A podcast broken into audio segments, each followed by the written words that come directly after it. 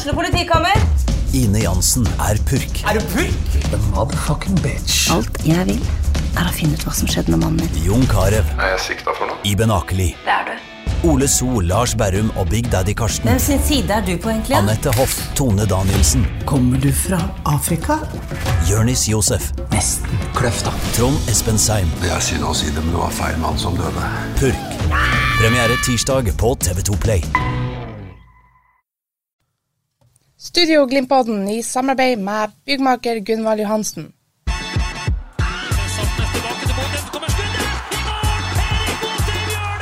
It's more difficult for us than for Bodo Blo- boys.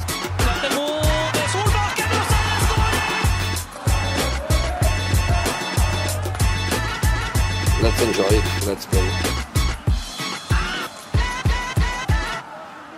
Velkommen til en ny utgave av Studio Glimt-podden. I dag, fredag 4. november, skal vi selvsagt snakke litt om kampen mot PSV Eindhoven. Vi skal kjapt gå gjennom hvem Glimt kan eh, trekke i playoff-kampene som skal spilles 16. og 23. februar. Men kanskje enda viktigere akkurat nå, vi må drøfte den uhyre viktige kampen mot Viking på Aspmyra søndag klokka 17.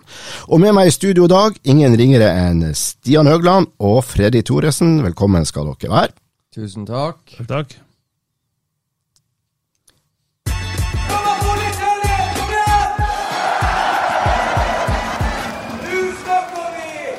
Men før vi går i gang med å snakke om, eh, om årets siste kamp i Europa, så må vi bruke litt tid på dagens kanskje største Glimt-nyhet, nemlig at Nikita Haikin forlater Bodø og klubben.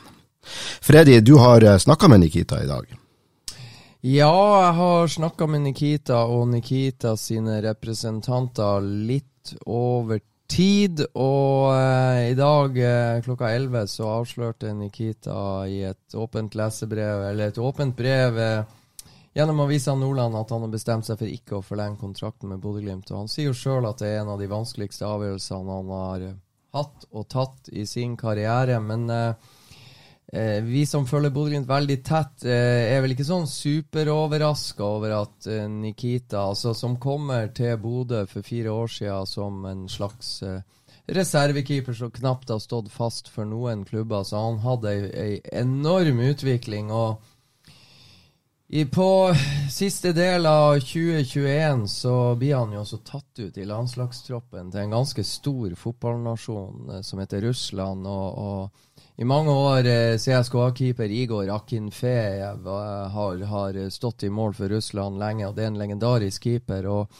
og når lille Nikita Haikin fra Bodø-Glimt blir tatt ut i en sånn type tropp, så sier det alt om eh, for ei formidabel reise Nikita har hatt, og for ei formidabel utvikling. Så at han blir frista til å prøve lykken, det det er jo ikke veldig overraskende. Så åpna han jo opp da, avslutningsvis i det brevet, at dette ikke er et farvel, men et, et vi ses igjen. Så jeg er nå spent på hvor han går, og jeg er spent på hvor lang tid det tar før han kanskje kommer tilbake til Bodø. Det er lov og håp.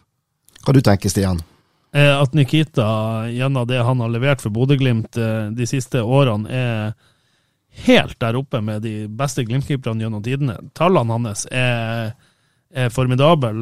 Han ble regna ut der at han, han holdt, inn, holdt, nullen i 40 av 120 kamper. Det er en tredjedel.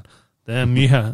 Han ser på poengsnittet til Nikita. Klart, ja, han har vært her under gode perioder, gode lag, for all del, men han har i aller høyeste grad vært en del av det gode laget. Ja, og, og, hvis man ser på hans eh, første hele sesong 2020 Han, han fikk vel eh, Han måtte stå eh, Det var vel åtte-ti kamper Joshua Smiths eh, sto i 2020, mener jeg, og, og Nikita sto resten. Men altså, ett tap med Nikita fra start i 2020, og det ble vel om det ble fire tap i fjor, jeg er ikke sikker. Det var, det var ikke mange. Så to sesonger, fire-fem tap i serien. Men Nikita Aikin er en av de fotballspillerne eh, som jeg tror jeg har sett. Jeg har fulgt Bodø-Glimt i mange år.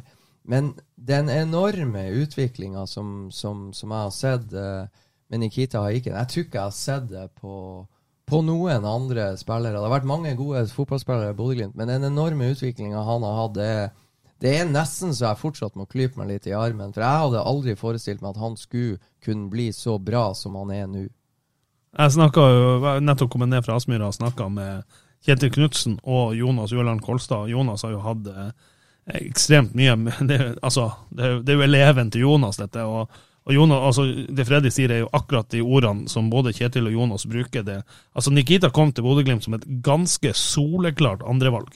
Altså, vi, vi tenkte Han er vel prototypen på en andrekeeper, Yes, Stian? yes. Eh, og, og det var, den utviklinga han har hatt, og, og så bunnsolid, og den selvtilliten Han har jo gjort feil. Altså, han har jo han har gjort kjempetabber som borte mot Molde i, i 2020, for eksempel. Eh, ta eksempel hjemmekampen mot Sandefjord her for noen uker siden, hvor han fire ganger i første gangen spiller ballen rett i beina på en Sandefjord-spiller. Men han, han fortsetter og fortsetter og fortsetter. Han har vanvittig sånn trua på seg sjøl, vanvittig så selvtillit i alt han har gjort, som også har smitta eh, videre på de rundt han, tror jeg, og uh, har vært en, en uh, altså utvikling. altså Kjetil Knutsen sier at uh, i hans øyne så er det Bodø-Eliteseriens beste keeper som har sagt eh, holdt på å si takk og farvel til Glimt i dag. og og det er, ikke, det er ikke veldig uenig i. Det, det er en del gode keepere i Norge og, som har vært i, i flere år også, men, men Nikita har helt der oppe har vært eh, outstanding. Han eh, sier vel ikke 100% takk og farvel. Han skal vel forhåpentligvis fullføre sesongen og spille disse to siste kampene, eller er det Ja, han skal Sto ikke klar med kofferten og var på vei til flyplassen? Nei da, sesongen er ikke ferdig for Nikita Haikin. Og jeg tror eh, han og hans støttespillere ønsker jo at eh, Glimt-fansen skal få muligheten til å være klar over at det er siste gang de ser han på, eh, på Aspmyra på søndag. Og, og også Glimt i sør skal, skal vite at det er siste gang eh, de ser han på Marienlyst eh, søndagen etterpå. Så eh, jeg tror han har et behov for å ta farvel på en ordentlig måte, at eh, verden rundt han skal vite at, han, at ferden går videre. Men eh, det er, jeg var så heldig å være Jeg vet ikke, Stian, du var vel også i, i Marbella da Nikita ble signert, var du det? eller? Ja da, jeg var det. Han kommenterte kampen når han redda Ja, han- han, han, det, det, det er en, en litt sånn merkelig skrue med, med russisk og israelsk og engelsk pass og litt forskjellig. Som, som, blir, som kommer på besøk og skal prøvespille for Bodø-Glimt eh, i Marbella der. Og debutkampen var vel eh, mot eh, Start, og Start for straffe, og Nikita Aikin redda. Og det som vi la merke til, både jeg og Stian da, vi så han jo litt på trening, og litt sånn forsiktig, litt sånn ikke struttende av selvtillit, men det var en slags eh, det var en annen keeper som spilte kamp. altså Han så annerledes ut i kamp. Det var en aura der. altså. Ja, det var litt autoritet og sånn, men uh, den autoriteten forsvant jo etter at han fikk uh, på en måte gjort unna debuten mot Start. Glimt signerte han, og Ricardo Friedrich var førstekeeper og ble kaptein. Og, og Nikita slo seg i grunnen til ro med en plass litt i skyggen av Ricardo Friedrich. Og jeg må si Ricardo Friedrich hadde en enorm utvikling i Bodø-Glimt, men eh, Nikita Haikin har jo på en måte smadra utviklinga til til Ricardo etter hvert som eh, han kom i posisjon, og, og denne karismaen og utstrålinga som han har i alt han foretar seg nå. Jeg, jeg, jeg må, Det var en situasjon mot PSV Eindhoven hvor han får ballen på høyre i andre omgang. Får ballen på høyrefoten. Det kommer en PSV-spiller i press, og så legger Nikita ballen til rette på venstre og køler han forbi eh, PSV-spilleren i press og bare legger han på fot Alfons Samsted. Jf. det Stian sa, at mot Sandefjord så serverte han Sandefjord til fire farlige sjanser. Og det der at han bare driter i det og fortsetter med det han vet han er god på, er hakket mer konsentrert og gjør det C-momentet mot PSV i går, det forteller alt om om den reisa, og ikke minst den, den tryggheten han sprer til de eh, forsvarsspillerne bak seg. Her er det bare å komme i posisjon, for ballen kommer. Det er mulig vi må ha en egen Studio Glimt-pod eh, spesial om eh, Nikita Aiken. Nei, I min verden så er han den beste Glimt-keeperen ever, og det er jo et, et fantastisk ettermæle uansett. Men det at han nå drar, er jo det er jo ikke overraskende. Han har jo tidligere, han har jo tidligere sagt at han ikke vil signere noen ny kontrakt, og det var rimelig klart at, at han skulle prøve å lete etter nye utfordringer etter denne sesongen. Har dere fått noe inntrykk av hvor han kommer til å bevege seg? Jeg vet det er veldig mange som lurer på akkurat det. Ja, det lurer jeg òg på, men jeg kan jo ta det jeg, det jeg vet. At eh, han har mange interessante tilbud. avgjørelsen er ikke tatt. Eh, det er store klubber som er interessert i haikin. Og så har eh, representanter rundt han røper at Nikita sin Og det er ikke overraskende, men altså, den store drømmen hans er, er England. Og så er spørsmålet da om det dukker opp et tilbud som frister nok til at han på en måte tar turen til England og, og lever ut den drømmen, eller om uh, Det som kan forkludre det, er jo at det kommer antatt større klubber som, fra andre nasjoner som viser da å overraske dem og bli enda mer fristende. Så avgjørelsen er ikke tatt. Nikita kommer til å tenke litt. Eh, ta sin tid før avgjørelsen blir tatt, men avgjørelsen om å forlate Bodø-Glimt er klar. Jeg har hørt et rykte om Everton. Ja, Everton er, Everton er, nevnt, og det er jo engelske medier som, eh, som eh, Det er jo engelske medier som, eh, som har skrevet det, og, og, jeg har ikke fått det bekrefta at Everton er en av klubbene, men jeg har fått bekrefta at det er interesse i England, og så blir det jo spennende å følge med. Ja, absolutt, og, og, og så er det jo sånn Jeg håper jo Nikita for hans del gjør et, et riktig klubbvalg nå. For da, for, for, altså, ja, Everton er, har vært utrolig kult å se han i Everton, men engelske landslagskeeperen står i Everton. Eh, så, så, det er litt sånn uh, er det noe vi vet i England, så er de ganske flinke å ta vare på sine egne. Eh, så, så det er det ene, og de er ganske konservative i England også. Så, så hvis de har eh, Jordan Pickford på langtidskontrakt osv., så, videre, og så, videre, så kommer de ikke til å De, de verken rullerer eller bytter eller den slags. Og det tror jeg både Nikita og hans representanter er klar over. Så jeg er helt enig med, med Stian Høgland. Hvis ikke Jordan Pickford selges, så tviler jeg på Everton.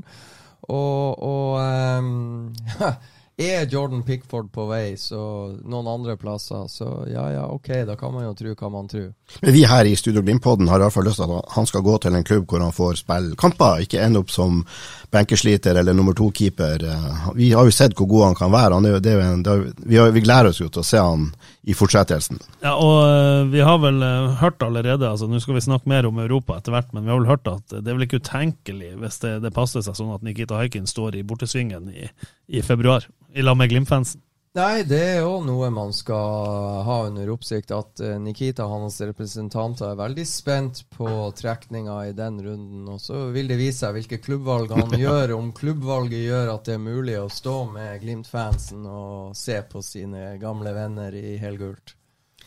Før vi slipper uh, enkeltspillere og prate om dem. Amahl Pellegrino han følte at han fikk seg et slag i trynet i går da han visstnok ble benka i siste liten. Kan vi ane at også han har spilt sin siste kamp i gult, gutta?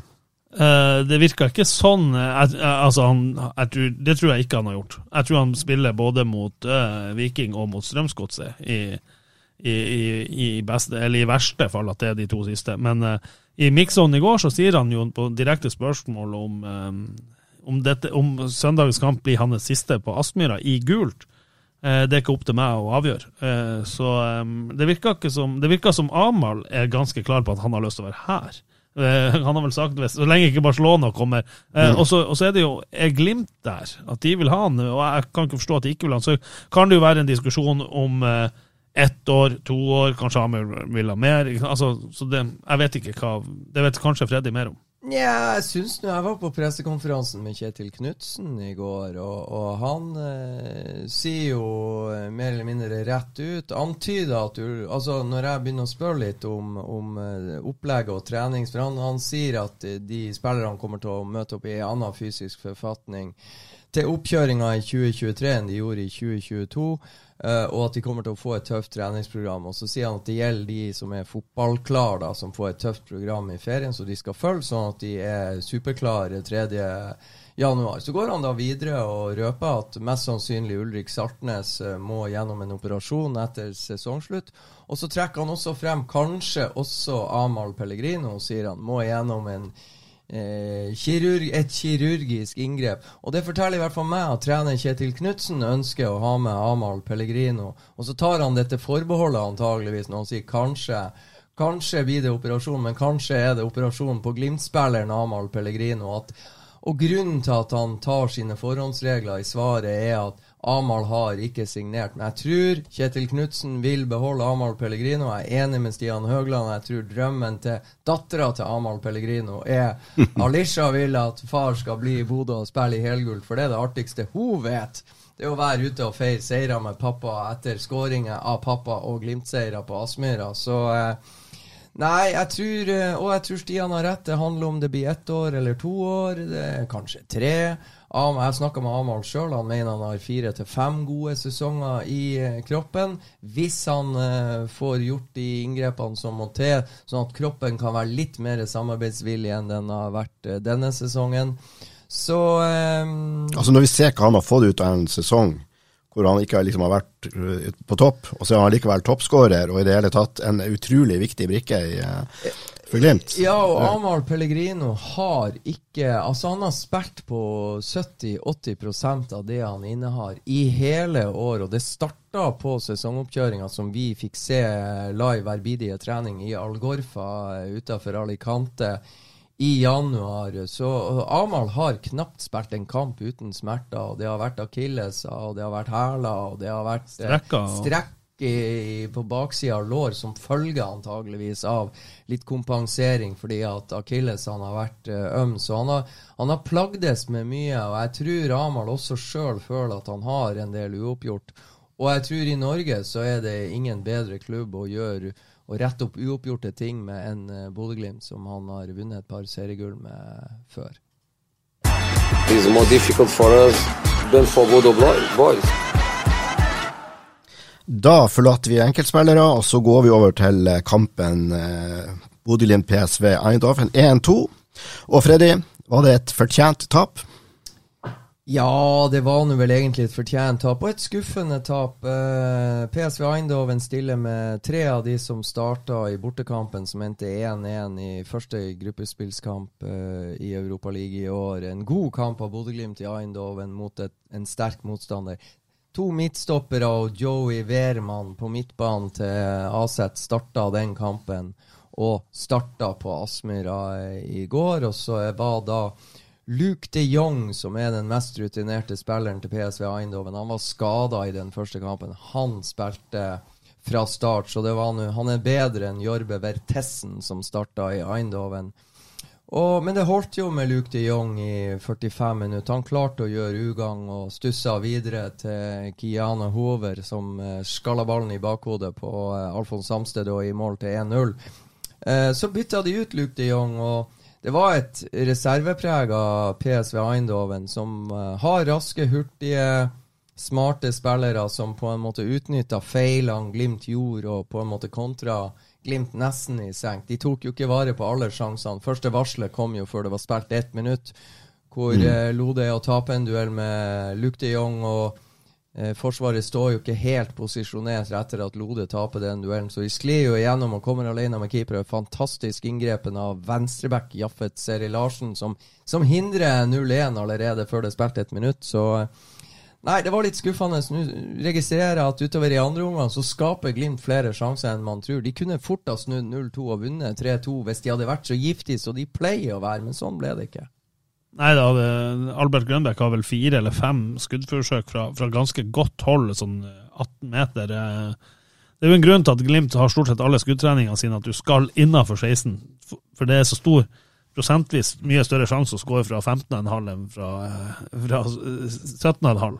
Eh, så det ja, Albert Grønberg traff jo ikke spesielt godt på skuddene sine, men han kommer seg til veldig mange gode posisjoner. Det er jo, det er jo selvfølgelig ekstremt positivt. det da Jeg holdt på å si to av de han hadde på Aspmyra i går, er jo mye større enn den han skåra på kunstverket han skåra på borte mot PSV Eindhoven. Og, ja. og, for å ta Nino Sugell, som er en spennende spiller som, som begynner å få litt flere innhopp og viser eh, ganske mye i løpet av de få minuttene han gjør. Han har jo en sjanse som etter min vurdering nesten er større et minutt eller to før han reduserer. Han irriterte seg over den i Mikson, ja. ja han gjorde det. det, er, det er en flott pasning fra Marius Høybråt, men han starter jo rett, og han får eh, han, han, treffer jo ikke helt, Nei. men det skal veldig lite til for han treffer bedre. Og som jeg sier, den han skårer på, er jo mye vanskeligere å skåre på enn den han eh, svir. Og, og ikke minst Olav Solbakken har en Stian hvor han kommer fri på, på høyre og skyter i foten til PSV-keeperen. Så Glimt kunne, kunne De fikk såpass mange sjanser at de kunne ha snudd det i siste kvarteret, faktisk. Kunne det. Det som slo meg litt, er jo at disse spillerne på,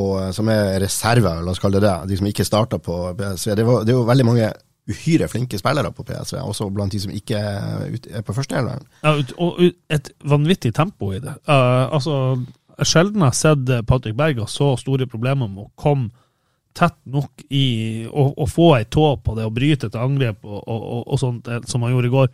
For det var ekstremt fottrapp, og så jo som en, en som virkelig imponerte meg, det var jo nordmann, Fredrik Oppegård, på, mm. på venstrebekken. Som match, altså, det å bli overspilt av Ola Solbakken, det, det, det skjer med alle. Men det å ha rykket til å jobbe seg inn i det, når du må snu deg og begynne å springe etter han, det er det ikke veldig mange som har, og det har vi sett eh, som eh, Vi så motorsykkelen et par ganger, men, eh, men det var jaggu meg en, en Ferrari som kom etter han. Ja, det, det er gode poengene Stian har, og, og de to sidebackene eh, som, som vi begge fikk se i Eindhoven, eh, de spilte ikke i denne kampen, men de to sidebackene som spilte på Aspmyra, var like raske som de sidebackene de hadde i Eindhoven.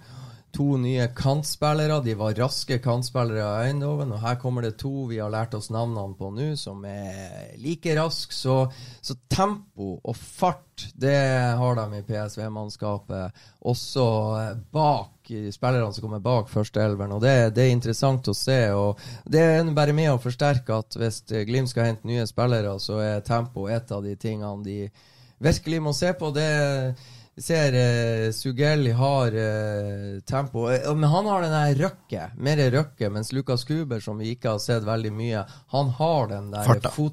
og farta i seg. Så nei, det blir spennende å se. Og, men vi er litt skuffa. Vi hadde vel forventa at Glimt skulle klare å utrette litt mer mot et PSV som egentlig ikke hadde noe særlig mye mer å spille for enn å overleve på Aspmyra uten skader og lade opp til møtet med Ajax til helga. Ja, det, jo, det ble jo da det, den, eh, det tredje tapet på, på rad for Glimt, og det, jo, det er jo surt nok det. Som, som etter hva jeg forstår, så har jo ikke det skjedd siden høsten, høsten 2018 i, i eh, serien. da, og... eh, Men likevel, altså, det, det ble tap, men vi kunne likevel gå hjem fra Aspmyra i går med et lite smil om munnen, fordi at vi er fortsatt i Europa. Ja, og det, det er positivt. Vi må ikke bli, uh, må ikke bli historieløse. Uh, Bodø-Glimt er i posisjon til å bli nummer to i ligaen. Det er ikke hvert år uh, Glimt blir det, hvis man ser hvordan statistikken har vært siden 77, da Bodø-Glimt faktisk rykka opp for første gang og ble nummer to. Uh, men, men de er jo i contention, altså de er i posisjon til å ta medalje, og aller helst sølvet, da, og de skal, som Kjetil Knutsen er inne på, de får den sesongoppkjøringa de ønsker, med at det kommer i februar to eh, spennende playoff-kamper om å være med i sluttspillet i, i Conference League. Og det er steike nydelig å ha det som Det, det forkorter jo sesongoppkjøringa, men, men gir ei sånn gulrot og rosin og noe å glede seg til. Det må jo være utrolig motiverende å være Glimt-spiller når du vet at du skal spille så viktige kamper allerede. Allerede 16.2 skal, du- skal du spille en eh, kanskje en utrolig kul kamp. Eller ikke kanskje, du skal spille en utrolig kul kamp 16.2. Eh, ja, og da er det fortsatt to måneder til eh, eller i hvert fall halvannen måned til de øvrige norske lagene skal spille noe som helst som teller. Eh, Det er vel noen cupkamper kanskje der i slutten av i mars, men, men ja. Der er jo Glimt òg med, men, Ja. men Og så, ja. også, bare så er det vel det at uh, Bodø-Glimt lærte jo en del. De, de uh, pælma jo av gårde en tre-fire landslagsspillere ut av troppen etter seriegullet i uh, 2021. Og, og kom litt skjevt inn i, i sesongoppkjøringa med å, å, å må bygge et helt nytt lag før møtet med Celtic eh, i Glasgow. Og jeg tror jo eh, de kommer til å manøvrere, selv om uh, nå må de ha ny keeper Nikita ute, og Ola Solbakken har jo signert at han er inne i sin siste periode. og Så blir det spennende å se hva Alfons Samsted uh, velger å gjøre. Men jeg tror Bodø-Glimt er bedre forberedt til oppkjøringa 2023 enn de var til sesongoppkjøringa 2022. Så uh, det blir spennende å se hvor mange julegaver Håvard Sakariassen og Bodø-Glimt kommer med til Glimt-fansen i form av nye spillere og nye signeringer for å være enda bedre rusta til oppkjøringa. Så det er mange spennende ting å følge med på, men eh, det er fantastisk for Glimt-spillerne som er så heldige å være en del av 2023-laget og se frem til de to kampene Stian skisserte at de får allerede i februar. Og Håvard har vel, har vel røpa litt til oss, Freddy, at eh, han håper at det, det kan bli litt julegaver, og at det meste skal være på plass eh, 3. januar når det begynner. Altså at ikke nye spillere som skal spille den 16. februar, ikke skal komme eh, 29. januar eller på deadline day. Det, det er vel håpet deres. Så eh, får vi se. Dette skal vi følge nøye med på her i Studio Glimt-podden utover, eh, utover vinteren. Men vi må snakke litt om uh, trekninga, Stian. Du har uh, detaljerte kunnskaper om uh, hva som skal foregå. Slepte mot Solbakken, Ja, det er jo trekning, som du sier, eh, Børre, og det skjer på mandag eh, førstkommende 7. november, heter det. Vet du Eh, klokkeslett? Vet du Klokka to. Klokka to. Eh, og der er det jo sånn at eh, Du skal bare få opp lista mi her. Eh, Bodø-Glimt eh, er en av åtte lag som kommer ned fra Europa League. De er altså Celtic, sånn som Celtic var i fjor, når Bodø-Glimt ble nummer to i si gruppe. Og de skal da spille mot eh, det, er åtte lag fra nummer to i Conference League skal spille mot de åtte som er nummer tre i Europa League. Og de lagene som Bodø-Glimt da kan trekkes mot, er Fiorentina, Anderlecht, Lech Poznan, Partisan, Dnipro, Gent, eh, og Basel. Så det er jo, uansett hvem man trekker der, det er kule, eh, kule lag. Og så tror jeg jo at eh, noen ikke har lyst til å være tilbake til Sveits, f.eks., i, i februar, men ganske mange kan tenke seg en tur til Italia. Fiorentina hadde vært kult, Anderlecht hadde vært kult. eh, Så er det vel kanskje ikke så mange som har lyst til å møte Dnipro fra Ukraina. I Polen spiller vel de eh, kampene mm. sine, så eh, Men det kan bli møte med Jens Petter Hauge og Gent, som slo ut Molde. Det gjorde de jo på et imponerende vis i går. Den eh, Gent- Ja. Gent-kampen i går mot Molde var, var virkelig sterk. Så eh, Nei, det er kule motstandere og trekning altså førstkommende mandag klokka, klokka to, så det blir, eh, blir kult. Kule motstandere og en del kjenninger, som Stian sier. Gent med Jens Petter Hauge og onkelbarnet til Trond Skjølberg, ikke sant? Andreas Hanke Skjølberg, eh, kan vi kalle han, er jo også i Gent enn så lenge. I Dnipro er Russland Babenko, som var i Ja. Bodø-Glimt for en del år tilbake. Ser han er i troppen deres, i hvert fall. Så Dnipro er kanskje det kjedeligste laget å møte, og kanskje det laget med minst eh, skumle hjemmetilhengere, hvis Bodø-Glimt skulle trekke dem. Men, eh, Men de skumleste hjemmetilhengerne her, Det det, tror jeg må være Partisan. ifra- Ja, Partisan Beograd. Partisan Ja, Beograd. Ja, Ja, der, det er utvilsomt. der blir det rock'n'roll. der blir det rock'n'roll. Men hvem du, hvis du skulle, hvem du ønsker deg, Freddy? Jeg ønsker meg Gent eller Anderlecht. Jeg vet ikke hvorfor, men jeg skyter fra hofta her. eh, Jeg har ikke peiling. Du vil til Belgia? Ja. Eller sjokolade? Ja, men det var sjokolade Det har de i Sveits òg. Sveits eh, var jo Jeg har jo nettopp vært i sjokolade... Nei, jeg vet da søren. eh, Gent, Anderlecht. Eh, Gent pga. Jens Petter Hauge og Anderlecht pga. at det er nesten like tøft som Klubb Brygge. Ja, altså For min del så, så er det egentlig et fett, for det er ingen av de plassene her som, hvor det er sol og varme i, i februar. Det er et godt poeng. Det blir ikke noe sol, eh, solreise. Det blir ingen solreise. Det blir det ikke. Men uh, spennende blir det, og mandag etter klokka 14 en eller annen gang, sannsynligvis litt nærmere halv tre, så vet vi hvor eh, vi må begynne å planlegge Glimt-turismen i 2023. Ja, og så er det, ikke sant. Glimt har ei perfekt eh, oppkjøring med to kamper i Europa. Så kommer det vel noen cupkamper. Ranheim i cupen ganske tidlig. Og Glimt ønsker jo helt klart å vinne den. Og så kan det bli ei en ganske lik oppkjøring eh, som eh, den, det ble denne sesongen. Jeg tror den cupkampen er som midten av mars. eh, Ja.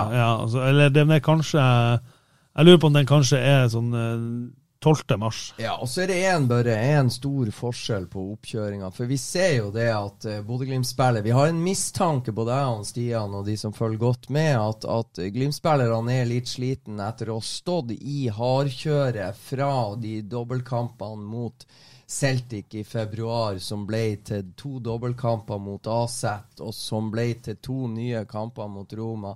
De var litt kjørt i inngangen av sesongen, eh, seriestarten i ligaen, og de er litt sliten mentalt nå. Store forskjellen til inn mot 2023, eh, sammenligna med sånn som det ble i 2022, er at de får nå seks uker pause, fri fra hverandre, kan ha litt ferie med sine kjære, mens de også har med seg et uh, treningsopplegg som de kan følge som de får passa inn til. Men de får altså seks uker fri fra hverandre, og det hadde de ikke i inngangen til 2022. Så det her det er med og bidrar til at Glimt kommer enda sterkere i, i oppkjøringa i 2023. Lærdommen og kunnskapen de har tatt med seg fra i år, blir de å bruke for alt det er verdt. Så det blir uhyre spennende. Jeg føler at de, eh, de fortjener en god ferie nå, gutta. De gjør det. Slipper mot Solbakken, og så er!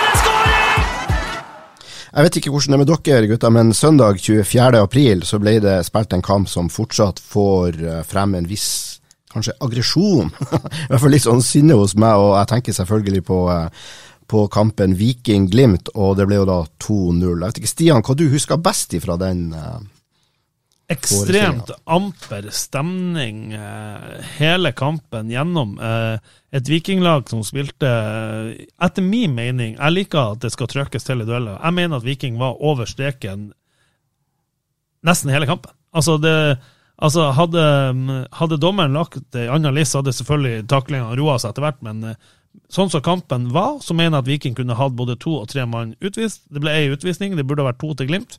Ulrik Saltnes burde ha blitt utvist, han ble vel det etter kampen.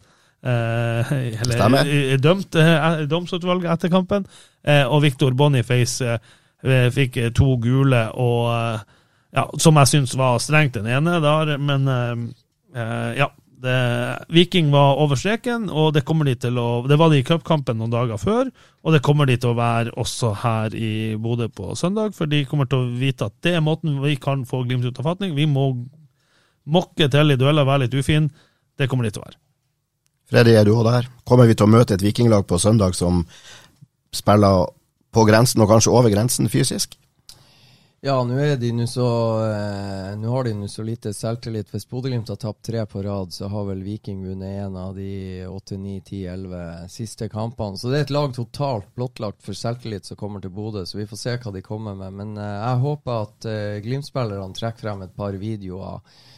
Det er greit de er sliten mentalt, og det er greit det er en stund siden de har eh, stått igjen med en seier eh, nå etter tre, tre tap. da, så jeg håper det er bare å sette seg ned og se noen uh, høydepunkt fra uh, forrige møte, disse to lagene. Uh, tror du de husker denne kampen, Grimsdalen ja, også? Det er ikke bare jeg som Ja, jeg, jeg, tror det, altså. Og jeg er helt overbevist om at Kjetil Knutsen husker det. Og jeg er helt overbevist om at Morten Kalvenes husker det. Og jeg er helt overbevist om at de kommer til å trekke frem et par småting som de opplevde fra den kampen, som gjør at Glimt-spillerne er på hugget når dommeren blåser i gang klokka 17.00 på Aspmyra. For det var, en, det var rett og slett en vemmelig kamp å se på. Det var også en vemmelig kamp å høre kommentatorene kommentere. For, for meg er en av de styggeste Marius Høybråten som blir takla to meter utafor banen. Og at kampens dommer i den kampen ikke ikke gir, eh, på, tar tak i den der type situasjoner. Det er fortsatt pinlig. Det var pinlig da, og det er pinlig nå. Men uh, nei, jeg tror eh, Glimt-spillerne kommer til å være på hugget når eh, dommeren blåser. Det, det, jeg forventer det, og jeg tror jeg kan garantere det. Og jeg tror det blir det siste hjemmekamp for året. Jeg håper alle som har kjøpt seg sesongkort for å få eh, med seg europacupkampene, møte opp og gjøre sitt til å gjøre livet surt for eh, våre gjester fra Rogaland. Og så er det jo en ekstremt viktig kamp. Tre poeng. Det blir europakvalik uansett til sommeren. Så enkelt er det, og det er steike mye lettere å gå og sørge for at de tre poengene kommer på konto. Eh, her på Aspmyra, og så kan de gå med senka skuldre, eller ta turen med senka skuldre til Marienlyst i siste serierunde, og gjøre som de har gjort i to år. I 2020 sikra de gullet på Marienlyst med å vinne 2-1 over Strømsgodset. I 2021 så dro de litt bortafor til Mjøndalen Konsto Arena. Og eh, vi er i gode, gamle Buskerud, og der skjer gode ting. Og jeg tror også det skjer gode ting i gode, gamle Buskerud i siste serierunde. At Bodø-Glimt slår også Strømsgodset, som ikke har noe som helst å spille for, og som egentlig har eh, sett veldig lurvete ut. Eh, det rare er at Strømsgodset og Viking spiller i samme type drakter. Altså mørke blått med hvit shorts, og de har vært uhyre lurvete i hele høst, begge de der to. Tror du det har en sammenheng? Ja, helt overbevist. Og jeg tror den eh, sammenhengen blir at begge blir smadra big time av helgule helter fra Bodø. Liker optimismen din, men nå er det altså Viking først det gjelder. Og de spilte jo kamp i går kveld. Dra oss kort gjennom det. Det var torsdag. Hva skjer nå med Glimt? Hva er det trener de i dag? Er det i morgen? Hva de gjør de på kampdag? Hvordan blir det her nå foran denne superviktige kampen? I dag så trener de som, eh, som ikke spilte, eller de som spilte under en halvtime, gjerne. Eh, trener egentlig ganske normalt. Det er litt sånn pasningsøvelser, det er litt eh, angrep gjerne mot, eh, mot enten eh, med sånne markører, eh, eller eh, full size-markører. da. Det jeg mener ikke kjegler, men sånn store, store figurer. Så kjører de gjerne litt mot et par-tre forsvaret, og så spiller de gjerne fire mot fire, fem mot fem, alt etter hvor mye de klarer å skrape sammen. Så de får blåst ut litt, de får ja. kjørt seg litt, sånn at de eh, har eh, samme type belastning i kroppen, lignende type belastning i kroppen som de som eh, spilte 70-80-90 ja. minutter. Lørdag så kommer de til å gjøre mye av det samme. Da kommer gjerne de som spilte i går, til å være litt på feltet, men det kommer til å være utrolig rolig. fordi normalt to dager etter kamp er det ingenting. Det er vel ofte fridagen deres. Eh, så, men nå kommer det til å være litt sånn rolig ut, og kanskje se litt på noen dødballer. Kanskje bare ja, holde seg litt i gang, bli varm og få tøyd litt, og så 20, 20 minutter effektiv ja. eh, bevegelse, kan du si, med, med, litt belastning. Og som Stian sier, også dag to etter ei hard belastning i det kampprogrammet Glimt eh, er. Mm. De som har litt sånn småskavanker, så dag to kan være litt sånn skummel for å pådra seg forverring av eventuelle småplager. Ja, på, på, altså Når jeg sier dag to er fri, det er da på en sånn ukessyklus. Mm. ja. eh, kampdag så møtes de eh, gjerne klokka elleve. Eh, trener de. Eh, eller trener er å dra det ekstremt langt. Det er en trening alle vi tre kunne vært med på uten problem. Det er litt sånn småjogg. Det er litt sånn enkle balløvelser. Du står og kaster ballen til en fyr, så setter den tilbake i brystet på deg, og så spiller de kanskje litt tysker, og så er det tøying, og så er det takk og farvel og gjør seg klar til kamp. Kanskje er noen god vits eller ei bra melding innimellom. Men når er det de skal spille av disse videoene som skal gjøre at de blir litt sånn ekstra tent og tenker tilbake på den 24. april og, og hvordan Vikingkampen var, og altså, få opp den gutsen og den ekstra greia? Når er det de gjør det? Nei, det er jo enten så er det Møtes de etter trening, så spiser de, og så går de ned og så tar de et lite videomøte etter at de har spist. Det, er, det skjer. men eh, videomøtene kan også eh, rulle litt før de drar ut på felt. Så det tror jeg er litt sånn ja. Og de får laget på lørdag. De, de, gjør ferdig alt lørdag. De har ikke noe sånn kampmøte på søndag med videogjennomgang og dit og dit. Søndag så er det den, den aktiviseringa, som de kaller det. Eh, så har de litt fri, og så møtes de til kampmat og drar på stadion. Um, ikke noe sånn gjennomgang av Viking kommer til å gjøre sånn, Viking kommer til å gjøre sånn. Det, det er de ferdig med. Det er alt er gjort på lørdag. Alt er gjort på lørdag. Ok, hvilke spillere har eh, Kjetil og Velli? vet vi noe om Bris? Nei, eh, jeg melda litt med Bris her for et par dager siden, og da, da han, eh, måtte han ha litt, eh, litt, ro for å få orden på dette. Så så forhåpentligvis eh, så er ikke han ferdig spilt for sesongen, men det, det, hvis det er en strekk han har fått i lysken, så er han jo ferdig for sesongen. Um, men uh, det blir spennende å se om han er på feltet uh, i morgen. På lørdag, ja. Og også om han er aktuell. Pratet med Brede så vidt etter kampen i går. Han, det er ikke helt topp, den ankelen hans, men han håper jo å kunne være aktuell. Uh, Amal, uh, ut ifra hva han har sagt her, så er jo han aktuell. Han må jo være superklar. ja, så, uh, så, jeg tror jo altså Jeg tror jo egentlig Kjetil, med forbehold på Bris, da, kan vel fra en, en tilnærmet skadefri tropp, og da, og da, regner jeg ikke Sondre Brunstad Fet som har vært ute i, i, Nei, i, i et skuddår nå snart, som, som, en av de. Men, men, men av de som har vært aktuelle i høst, så tror jeg han har stort sett skadefri tropp. Og da er det jo en knallhard kamp også om å få være blant de, 20 som får være med i kamptropp. Mm. Har du noen forslag til, eh, eller noen tips til hvordan lag, Freddy? Nei, jeg tror jo Jaffet Seri Larsen blir å fortsette. Jeg tror ikke Bris eh, eller Glimt risikerer lysken til, til Bris allerede på søndag. Så jeg tror Jaffet Seri Larsen fortsetter på venstreback. Så jeg er spent på om eh, al altså analysene av Høybråten, Lode, om de skal dytte inn Brede Mo, eller om de skal gi eh, Isak Helstad Amundsen en liten opptur her på, på tampen. Jeg håper det er, vurderes. Alfons er selvfølgelig høyre back. Eh, Midtbaneleddet så, så fikk nå Ulrik Saltnes 15 minutter i går. Han har sikkert lyst til å spille enda litt mer før han eventuelt skal gjennomføre en operasjon. Eh, så der er det jo noen uh, muligheter.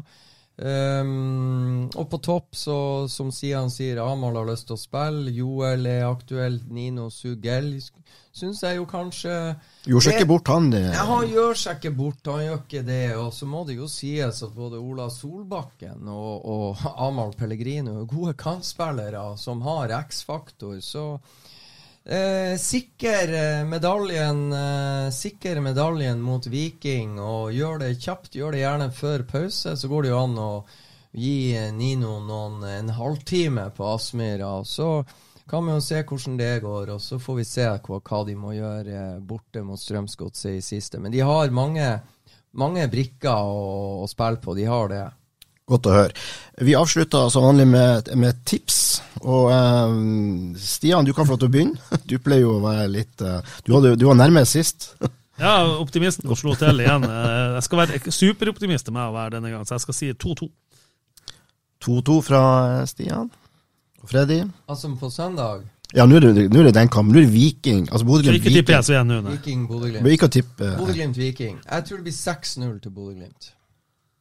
Wow. Ja. Jeg håper Freddy får rett. Jeg håper også Freddy får rett. Mitt tips er eh, tamme 2-0. Jeg tror det blir 6-0 til Bodø-Glimt. Vil, vil, du dra målskårerne nå? Jeg tror Amahl Pellegrino skåra hat trick. Jeg tror Ola Solbakken skåra to. Og så tror jeg ja, Hugo Vetlesen kommer til å skåre. Jeg håper Freddy får rett. Ah, herregud. Vi lar det være siste ordet. Og så sier jeg, hvis, hvis, ikke Ola gidder å skåre to, så kan det hende at han kommer med to målgivende, og Runar Espejord putter de to. Det hadde også vært helt ok, men, men 6-0 blir det anyway. Ja, ja. Nydelig. Vi lar det være siste ord i denne utgaven av Studio Glimt-podden. Følg med på eh, an.no om du vil holde deg oppdatert både før, under og etter kampen mot Viking, og før, under og etter trekninga på mandag. Takk for oppmøtet, Stian og Freddy. Og tusen takk til deg som hører på oss. Studio Glimpodden i samarbeid med byggmaker Gunvald Johansen.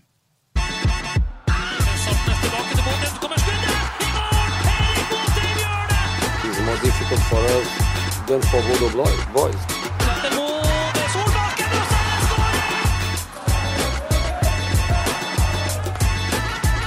Let's enjoy it. Let's play.